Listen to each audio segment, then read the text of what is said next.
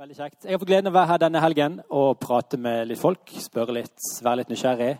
Finne ut litt hvordan det står til. Eh, veldig, veldig veldig kjekt. Eh, for du som ikke kjenner meg, så er jeg, eh, jeg en av pastorene i Salt. Pastor i Salt Nordhordland. Der trives jeg godt. Tre mil nord for Bergen. Bor på Frekkhaug. Så det er, et, det er, et, flott sted. Og for du som lurer på hvor Frekkhaug er, så hvis du så Melodi Grand Prix i går, junior, så var det altså da tre, to av de topp tre de kom fra Frekkhaug. Så eh, de var i singsangmiljøet, og eh, Anja, min kone, og min datter Nora de var der og heiet helt vilt med T-skjorter. Så det var veldig kjekt. Vi derimot, vi ble Altså vi, det betyr meg og min sønn Kristoffer. Vi har vært her i, helgen. Vi eh, Ja, det ble ikke akkurat oppmuntret på slutten av, eh, av kvelden, der, men det er klart det gikk jo ikke helt som planlagt for eh, Liverpool i Champions League-finalen i går. Så kanskje noen kjenner på en sorg for det i dag. Og for de som ikke gjør det, så gratulerer. Jeg vet på ett tak her borte som eh, helt sikkert ikke er over seg av begeistring for, for gårsdagen. Og du som lurer på hva jeg snakker om, det er helt greit. Ellers så eh, må jeg få si at det er utrolig kjekt å, å komme og se altså den, det bartenivået som var representert her på scenen. Det har jeg faktisk ikke sett siden jeg var på eh, Aleksandersen konsert i Stjørdal. Eh, da var det ca. samme tetthet. Eh, og ellers så tenkte jeg er det, er det, det er ikke slutten av november nå. Så nei, det er ikke det. Det er ikke november. Det er faktisk en helt vanlig mai. Så gratulerer til dere. Looking good. Og det er til og med bak på skjerm der som smiler bak barten sin. Så det er deilig. Eller så, eh, Hvis det er noen som ikke har kommet her fra vestløpet, så er det vet ikke, du, må, du kommer i mål der. sant? Det er noen som stopper deg før du når liksom Vestkapp og utfor. På et punkt så liksom Stopp. Jeg var ikke klar. Jeg sov i campingvogn, nei, i bobil i dag. Og eh, hvis du lurer på eh, om du skal fyre på gassen, gassvarmen hvis du sover i bobil i Norge, så er svaret ja. Det bør du gjøre. Jeg gjorde ikke det, så vi endte på åtte grader i morges. Så jeg var ja, ikke varm for noe løp, i hvert fall. Så, eh, så, det er deilig å være her. Men du, så, eh, så fint å få være her på Jeg tenkte som Kristi himmelfartsdag søndag, men det finnes jo ikke. For det er jo på torsdagen. Så da blir det likevel en Kristi himmelfartsdag søndag etter torsdag. Men vi har noen dager til, så er det pinse, så det blir bra. Ti dager til. Så jeg har lyst til å ta utgangspunkt i, i, i noe av det. Først av alt må jeg få si tusen takk for, for tilliten og muligheten til å, å, være her. Det er en inspirasjon hver gang jeg får komme. Deler det som Sondre sier, at det, det er utrolig kjekt å møte, møte Philadelphia møte gjengen, møte varmen, møte gjestfriheten, møte rausheten og begeistringen og troa på det som ligger foran. Det er, det er helt unikt. Så, så, tusen, tusen takk for, eh, for, alt dere er, og alt som dere har. Det er utrolig kjekt å, å være her. Og jeg har jo fått glede av å være her noen ganger nå. Tatt med meg to bibelskolekull så langt. Det har gått bra. Eh, og det er til og med noen av de som har valgt å flytte opp her etterpå, så det er jo ikke feil. Kan vi like? Du, jeg, eh, jeg hopper på. Jeg. Går det bra? Henger du med? Jeg skal bruke noen minutter. Jeg skal se om jeg klarer å lande sånn cirka. Cirka der. Litt før fem. Er det, er det innafor? Ja, da, da, da, prøver vi på det. Det var på Kristi himmelfartsdag at Jesus sto sammen med disiplene sine. Det står at han velsigna dem, eller i ene oversettelsen at han, mens han velsignet dem, ble han tatt opp. Så han står der på, på uh, Oljeberget, står der med, med gjengen uh, en torsdag. Og så, og så, sier han til dem dette når de lurer på du, når kommer du igjen, og når skal du opprette ditt rike, og nå vil jeg ha alle detaljene om, om de siste dager. Og sånn. Eh, og så er ikke han så raus som, eh, som eh, andre med det, så han sier at du ikke tenk så mye på det. Dere skal få kraft når Den hellige ånd kommer over dere, og dere skal være mine vitner. I Jerusalem, i hele Judea, i Samaria og like til jordens ende. Det er Jesus sitt løfte på skjærtorsdag. Og så Nei, nå tøyser jeg. På Kristi himmelfartsdag. Og så går det jo ti dager før på en måte det blir fire, før det er pinse og det er fullt trøkk i Jerusalem. Eh, men, men, han gir et løfte til dem, og han gir et løfte om en ånd med en hensikt. Han sier at dere skal få kraft idet Den hellige kommer over dere, så dere kan være mine vitner. Så når Jesus kommer og lover å sende Den hellige ånd, så er det ikke først og fremst for uh, festlige opplevelser og, og, det er sterkt med Gud, selv om det er bra og flott og oppmuntrende og nydelig. Men han gir oss først og fremst av sin ånd for å være vitner. Vi skal få kraft til å være vitner. Vi skal få kraft til å gå ut. Vi skal få kraft til å og så fins det masse andre løfter om at Ånden er vår fred, og Ånden er vår visdom, og Ånden gir oss åpenbart hvem Jesus er. og Ånden gjør så mye, eh, og det er, fantastisk. Men, men akkurat i denne settingen så, det, eh, så, så fokuserer han på det som handler om å, om å være et vitne. Jeg har lyst til å dra dere med til en fortelling som vi kan finne i, i apostelgjerningene, kapittel 16, om en, eh, en dame som heter Lydia. Og det er, det er en spennende fortelling. Vi skal jobbe oss gjennom, eh, gjennom litt i, i, kapittel 16. Når, når, Paulus og gjengen velger å dra fra Egentlig har de noen planer, og så velg, får de beskjed om at nå, nå, skal de snu. Det skjer i en drøm, og, og, og de driver og, og, drømmer om at noe skal, noe skal skje.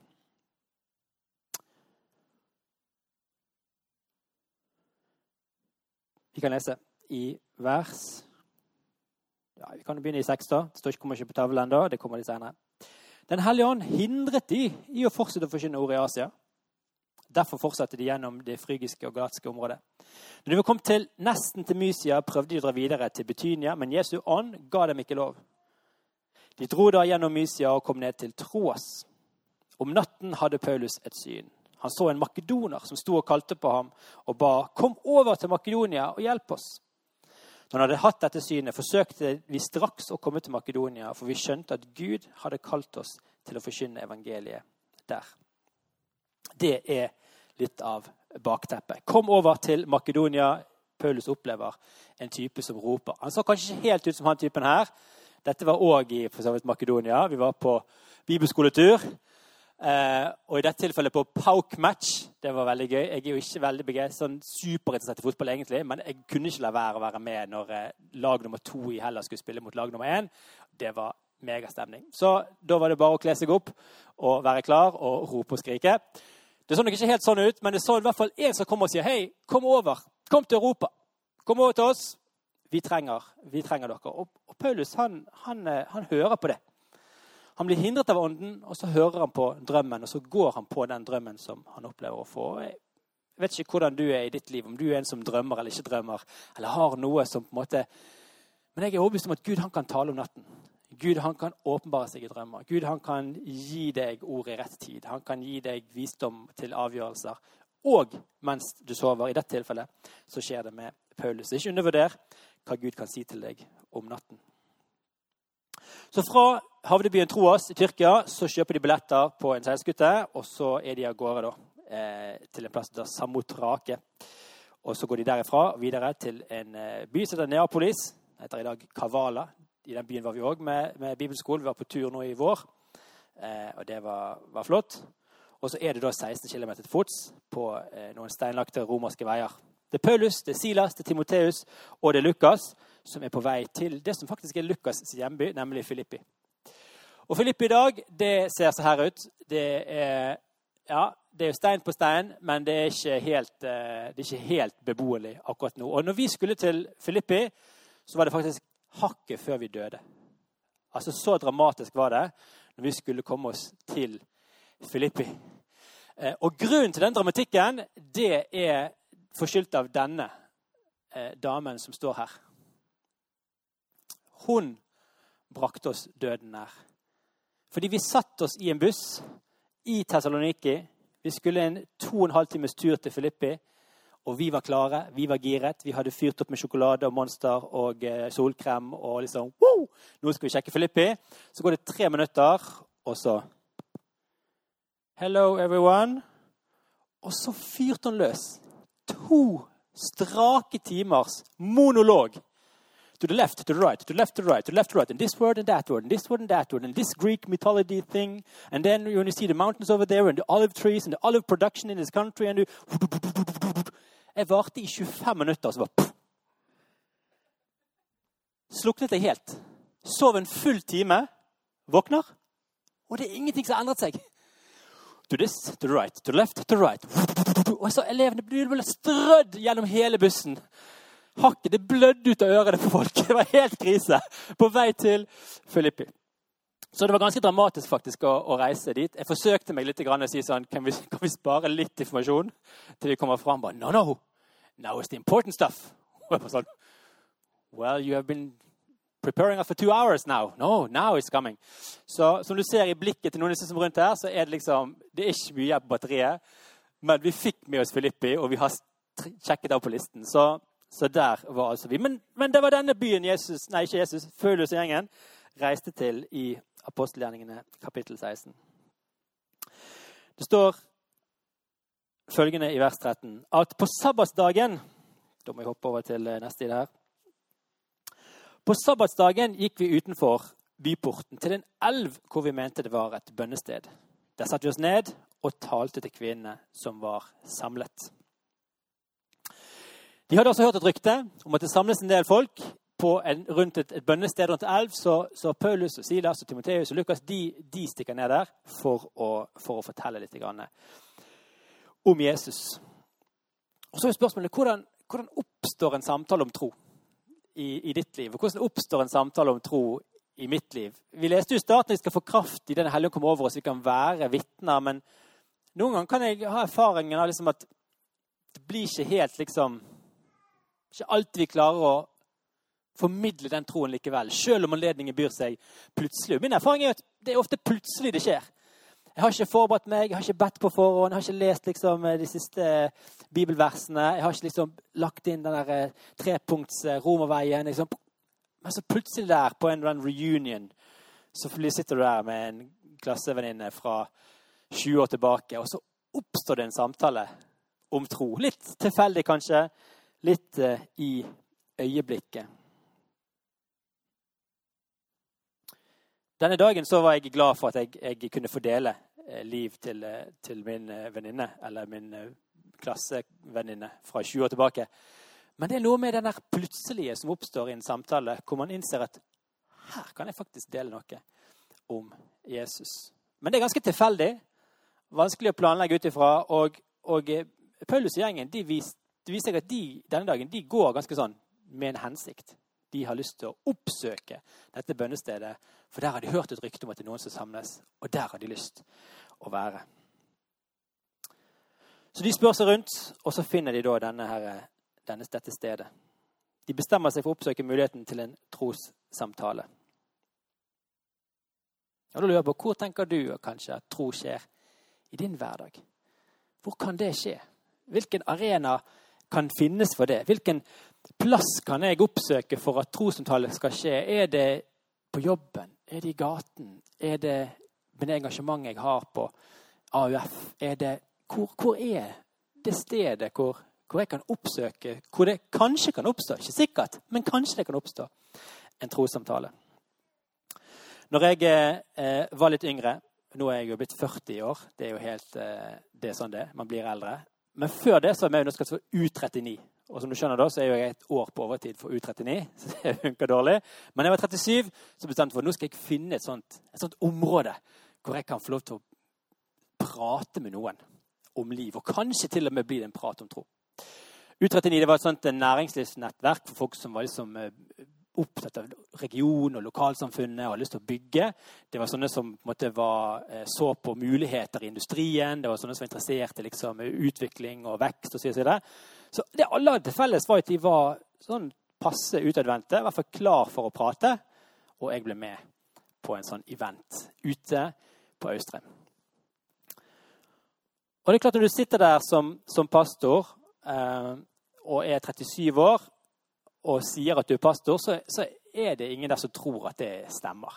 For man har jo et bilde av pastorer. Sant? De er gamle. De har skjegg. De har smuler i skjegget fra gårsdag. Altså de har, det er en helt egen gruppe folk. Så sitter det liksom en ung type, forholdsvis oppegående, med skjorte og, og bukser, og så sånn Nei, da hadde ikke du vært her.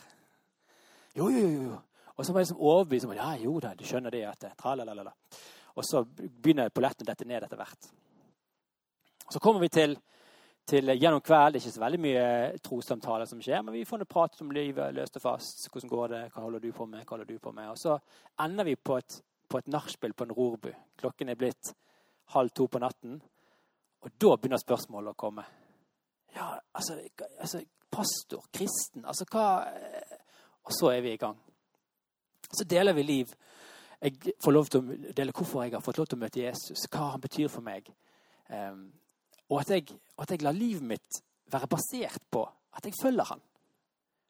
Og øynene blir store, og det blir stilt rundt. Og plutselig innser jeg at det er ikke bare vi på dette bordet som har samtale, men det sitter jo flere bord rundt og ser på at vi har en samtale. Hvor vi prater om, om Jesus. Og det som var underlig, det var at det mest fascinerende for dem, det var at det var det helt enkle. At her er det en vanlig mann, oppegående, som tror på Jesus. Ikke fordi han måtte, ikke fordi foreldrene tvang han. Jeg er offer for omstendighetene. Mine foreldre trodde så What can I do? Nei. Jeg har fått møte Jesus, og jeg følger Jesus, og jeg tror på han, og jeg har latt det få lov til å prege livet mitt. Og de bare sånn Går det an? Så tenkte jeg det her er det mye å gå på. Hvis, bare, hvis det er et fremmed konsept, da har vi mye å gå på. Hvis det er et fremmed konsept, da har vi litt å, å jobbe med. Så står det i teksten at Blant tilhørende så var det en kvinne fra Tyatira som het Lydia. Hun handlet med purpurtøy og hørte til de som dyrket Gud. Apostelgjerningen 1614. Så Lydia hun er enten singel eller enke, mest sannsynlig, ganske velstående. Driver med handel. Hun holdt på med liksom dåtidens luksusklær. Pent purpurfarget tøy fra en by i, Tyrkia. Eh, og hun var ikke bare en handelskvinne, men hun hørte til de som dyrket Gud. Og den, den, hørte til de som dyrket Gud. Hva, hva, betyr det vel? Ordet beskriver mennesker som hadde vendt seg vekk fra en politisme, hvor det var liksom en haug med guder, Gud for alt mulig og templer overalt, til å tro at det finnes én Gud. Det var, det var denne, denne, gjengen her. Så hun er åpen, hun er nysgjerrig, hun er søkende, hun er her Lydia. Og så på leiting etter klarhet til noen kan feste sin lit til.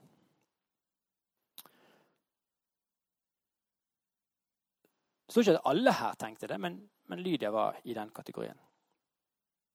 Det tenker jeg at Selv om vi sitter og handler på bunnpris, eller ser på nyhetene, eller ser på MGP junior-final eller Champions League, handler, trener, jobber på de samme stedene, så opplever vi likevel livet forskjellig. Rundt omkring her på Stad så opplever man livet ulikt. Og jeg er helt overbevist om at det ikke er sånn at alle jeg kjenner, og alle du kjenner, er totalt uinteressert i åndelige spørsmål eller i hvem Jesus er, eller hva et liv med Gud kan bety. Jeg er overbevist om at det finnes noen sånne fredens mennesker i alle våres liv som har noen spørsmål. Kanskje ikke står skrevet på panen at det er spørsmål. Kanskje ikke liksom fanesaken, men i samtalen og i dialogen så vil du oppdage det. At det finnes en nysgjerrighet. Det finnes en sånn type Ja, hva er det der greiene? Hva er det som skjer nede på hotellet? Eller fortell litt om det engasjementet. Eller hvorfor er du sånn og sånn og sånn? Så det er helt sikkert noen jeg er overbevist om. Og, det jeg spør meg sjøl, er hvem er, hvem er Lydia i, i, min omgangskrets? Hvem er disse Lydiaene som jeg har rundt meg? Og så utfordrer jeg deg på å stille samme spørsmål. Hvem er, hvem er Lydiaene i din omgangskrets? Hvem er de som er litt nysgjerrig? Hvem er de som har en søken? Hvem er de som lurer på?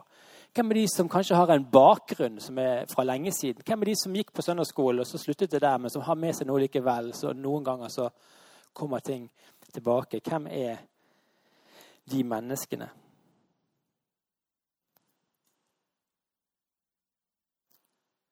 Hvem har vi som hører til de som kanskje tror?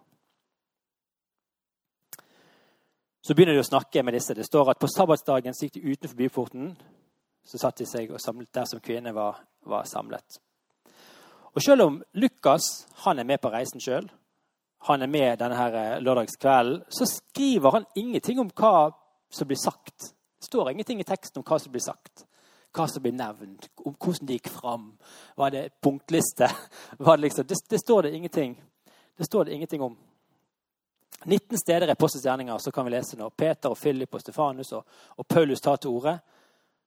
Og hva sier de når de tar til orde? Ja, det du vil oppdage, at de sier ikke det samme. i hvert fall.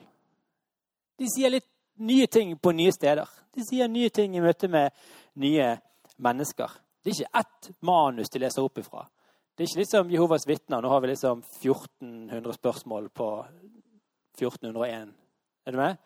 Men det er ulikt fra gang til gang. Alt det som hvem de møter, og alt det som hvilken person som snakker. Om det er Peter som snakker, så høres det sånn ut. Om det er Paulus snakker, høres det sånn ut. Om det er Philip som snakker, så høres det helt annerledes ut. De har sine personligheter, og de har sine situasjoner. På samme måte som vi er ulike, og våre ulike situasjoner og ulike personligheter, så har de ulike inngangsporter. Men det er i hvert fall tre innfallsvinkler som er interessante å se. Sikkert mer, men i hvert fall tre. Det ene de forteller, det er de forteller om din fortelling. Det å fortelle. De forteller om det de har sett, de forteller om det som de har hørt.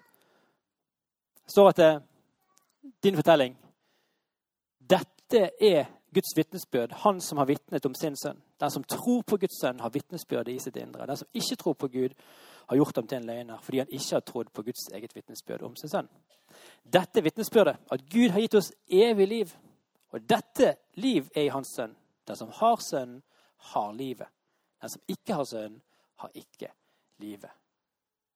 Du som tror på Jesus, du har livet. Det er vitnesbyrdet. Ikke bare har du dette livet, men du har et evig liv. Ikke har du liv i denne fasen, men du har et liv til liv. En dag så skal jeg gå fra liv til mer liv. En dag skal jeg gå fra ett liv til et nytt liv. En dag skal jeg få fortsette i det som har Sønnen, har livet. Det som har Jesus, har fortellingen om at det fins et håp som alltid står fast, uavhengig av situasjon, uavhengig av kontur, uavhengig av om vi som er på høyden eller om vi er i bunn, uavhengig av sykdom, helse eller om vi har lenge eller kort igjen, så fins det et håp som er gitt. Så hva er din troshistorie? Hvorfor er du en kristen, du som er her og er kristen? Når jeg gjør utfordringen på substans på bibelskolen, så sier jeg at det, det at fortellingen starter med at hei, jeg heter Kristian og jeg vokste opp i et kristent hjem, det gjør ikke det vitnesbyrdet mindre fantastisk. Sånn Nei, det kan ikke jeg dele, for det er altfor Ja, det er kanskje til og med de fleste av oss. Og det viser seg jo gjennom året at det er ganske mange som har nettopp den fortellingen. Jeg heter og jeg er oppvokst i et kristent hjem. Mine foreldre var kristne, de tok meg med til kirken. Jeg lærte troen hjemme. Det er jo fantastisk. Jo tides vitnesbyrd. Foreldre som har gitt videre troen til barna sine, som har investert i barna sine, som har tatt dem med til søndagsskole, og tatt dem med på ungdomsmøter og brakt dem til kirken og ført dem i et miljø. Og i dag så tror jeg på Jesus. Det er ikke en dårligere fortelling. Du må ikke ha vært narkoman for at det skal være sterkt. Guds trofasthet er vel så sterk. Gud som ser, som bekrefter og som møter, er vel så sterk. Men vi trenger alle vår personlige møte med Jesus. Jeg kan ikke leve på mine foreldres tro. Jeg må leve på at jeg, jeg får et personlig møte med Jesus. Vi møter han. Men så møter vi han ulikt.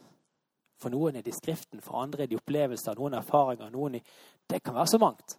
Men det å ha en opplevelse av å møte Jesus. Men hva er det som er ditt vitnesbyrd eller din fortelling om hvorfor du følger Jesus? Vi følger jo ikke bare for noe som skjedde for mange år siden. Vi, følger, vi tar jo et valg nå òg om fortsatt å følge. Så jeg har utfordret meg sjøl på det. Sette ord på hvorfor fortsatt tror jeg. Hva er min levende, ferske trosfortelling? Som sagt, Det de var mest fascinert av på nachspiel ute på rorbuen, det var ikke fantastiske ting, men det var at det var et vanlig menneske som hadde en levende tro på en Jesus i dag. Det var nok til hakeslepp og store øyne. Det andre vi ser, det er det som heter for å forklare. Så Noen ganger kan du fortelle, andre ganger kan du forklare. Trosforsvar kan du kalle det. Apologetikk, hvis du vil ha et fancy ord. Eh, første Peter sier at eh, vær alltid klar til å forsvare noen når noen krever dere til regnskap for det håp som dere eier. Det å kunne svare for min tro. Ja, men vet du, Derfor tror jeg på Jesus. Jeg tror på han fordi. Og så er det forskjellige snublesteiner for folk når det kommer til evangeliet. For noen så så kan det høre, handle om etikk. For noen kan det handle om eh, rasjonale, for noen kan det handle om kunnskap, for noen kan det handle om tvil, for noen kan det handle om kjipe opplevelser. De kan være så mangt. Men det å kunne fjerne noen sånne hindringer, det har jeg gjort som en sånn hobby. Så Noe av det gøyeste jeg gjør, det er å få besøk av tredjeklasse på videregående som skal ha om pinsebevegelsen. I love it! Altså, bring it on. Jeg har hatt fire sånne grupper i år, og jeg går sykt giret derifra. Fordi Da kommer det en gjeng som skal ha om pinsebevegelsen. Læreren deres kan ingenting om pinsebevegelsen. De går på tredje klasse på videregående, og de tenker herlighet, det kan ingenting. Vi må få de til en eller annen sånn som kan forklare, så er det check. Og så har de ideer om pinsebevegelsen, for de har jo sett det i boken sin. Og det mest freshe bildet som fins av kristne i RLE-boken sist jeg var religionslærer, det var en sånn, en sånn person som står sånn med krikkdrakt fra 1983 på et eller annet fellesmøte i Oslo. Det er det fresheste som kommer fram i boken. Og det er klart, Da har du mange ideer om hva du møter når du kommer til en pinsemenighet. Og de kunne si sånn Hei! Og de var sånn Hvem er du? Ja, jeg stemmer. Jeg heter Kristian. Jeg er pastor i Salt, og vi skal ha en pinsemenighet. Sånn, okay. Og så tar vi det inn i et eller annet bygg som de aldri har tenkt at det kunne gå an å ha kirke i. Og så er vi oppe på scenen, og så kjører vi opp liksom greiene og kjører luftdåp. ikke sant? Kjempegøy. Ned sånn, opp. Opp i et klasserom. Og så bare hamre løs på en hel røys med fordommer og ideer om kristen tro, om kristne, om pinsevenner, om menighetsliv. Om det er en fest. Altså Det er som å løpe rundt i et sånt lite Legoland og bare pff, være Godzilla. Er det med? Jeg vet ikke om det er tilfredsstillelse men du, skjønner ideen. Du er sånn! Du river tankebygninger og legobygninger så det synger etter. Det er kjempegøy. Bruk denne ledningen hvis du får sjansen. I love it. Noen ganger handler det bare om å ta vekk hindringer. Ta vekk ting som gjør at folk tenker at det der med Gud funker ikke. Jo, det, det funker.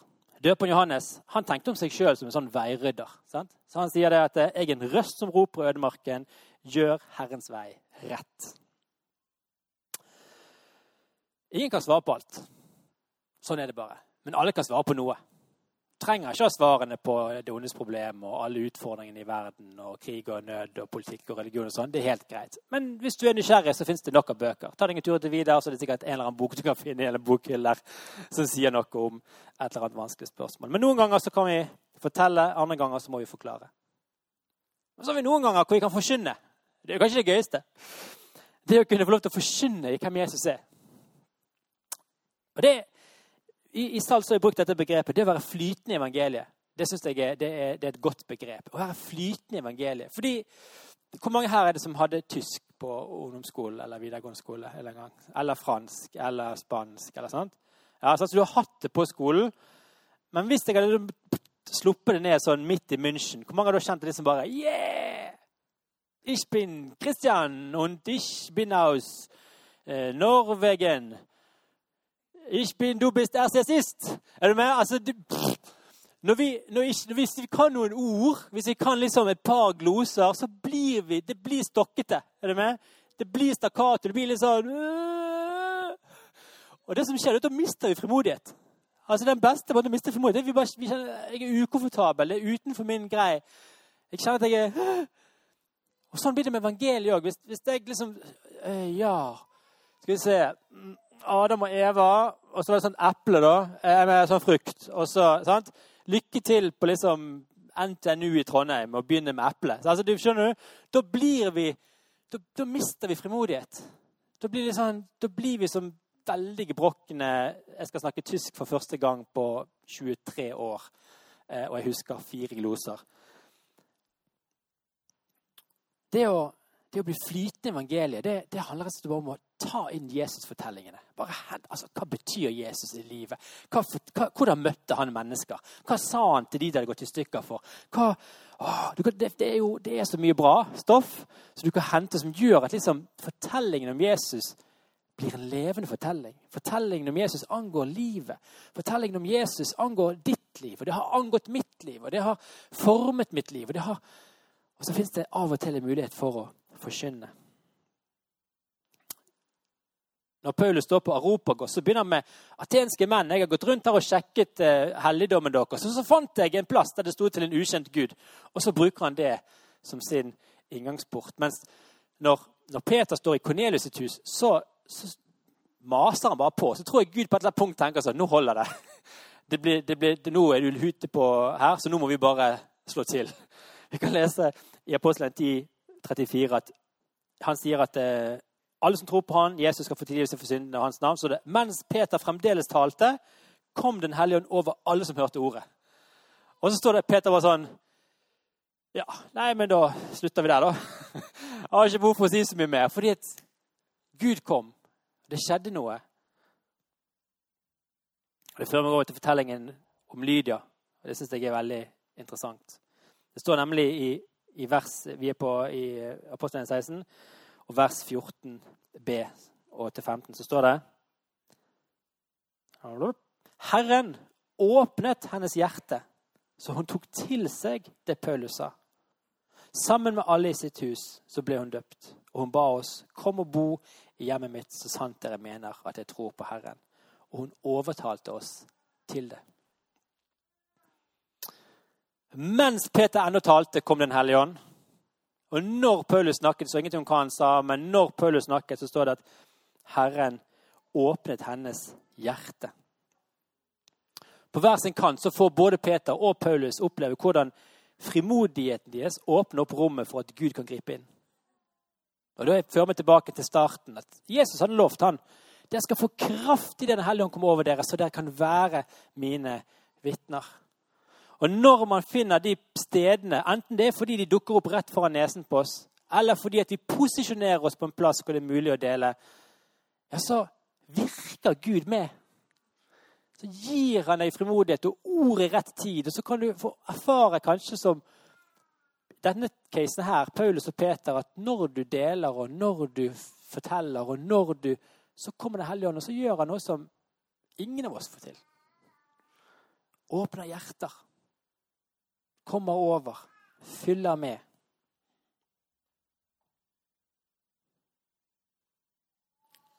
Paulus sier at 'jeg skammer meg ikke over evangeliet', for det er en Guds kraft til frelse for den som tror. Jøde først, og så greker. For i det åpenbares Guds, Guds rettferdighet av tro til tro, slik det er skrevet. Den rettferdige skal leve ved tro. Låssangen kom fram, og så skal jeg gå mot en avslutning. Og jeg ser at vi klarer å lande godt innenfor 17.00, så dette er fint.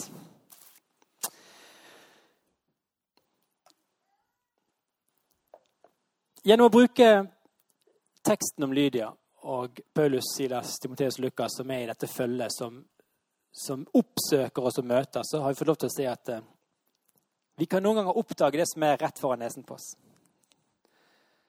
Den relasjonen, den naboen, den, det vennskapet eller den, den uh, arenaen som plutselig blir en sånn Nå får jeg muligheten til å dele. Vanskelig å planlegge når det skal skje, men det er en idé å ha en, noen tanker om hvis det skjer, når det skjer, hva har jeg lyst til å dele? Hva har jeg lyst til å formidle? Og så kan vi oppsøke det som er rett rundt hjørnet. Vi kan oppsøke arenaer og muligheter hvor vi får muligheten til å dele. Når muligheten byr seg, så kan vi fortelle, og vi kan forklare. Og noen ganger kan vi òg forkynne. Men så er det Gud som åpner hjertene. Det er alltid det. Det er Gud som åpner hjertene. Det er ikke størrelsen på hjernen vår. Det er ikke hvor flink vi er å artikulere oss. Det er ikke hvor Er du med? Det er at vi stiller oss i en posisjon hvor Gud kan virke. Hvor Den hellige ånd kan komme og gjøre liv til det som vi forteller. Den hellige kan komme og ta vårt hverdagsvitnesbyrd, hverdagsfortelling med Jesus, og så kan han blåse liv på det. Jeg håper at, eh, at du kan ta med deg noe inn til til den hverdagen som du er i.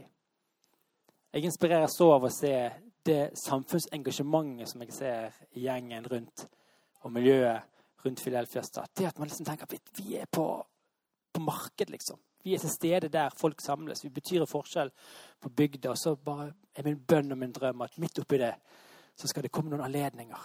Så det kommer noen sjanser til å dele, til å fortelle noen sjanser til å ta et steg i frimodighet og oppleve at Gud kommer ved sin ånd, åpner hjerter, taler til mennesker og gjør Jesus levende for oss. La meg be en kort bønn på slutten. Herre Jesus, jeg takker deg for ditt løfte.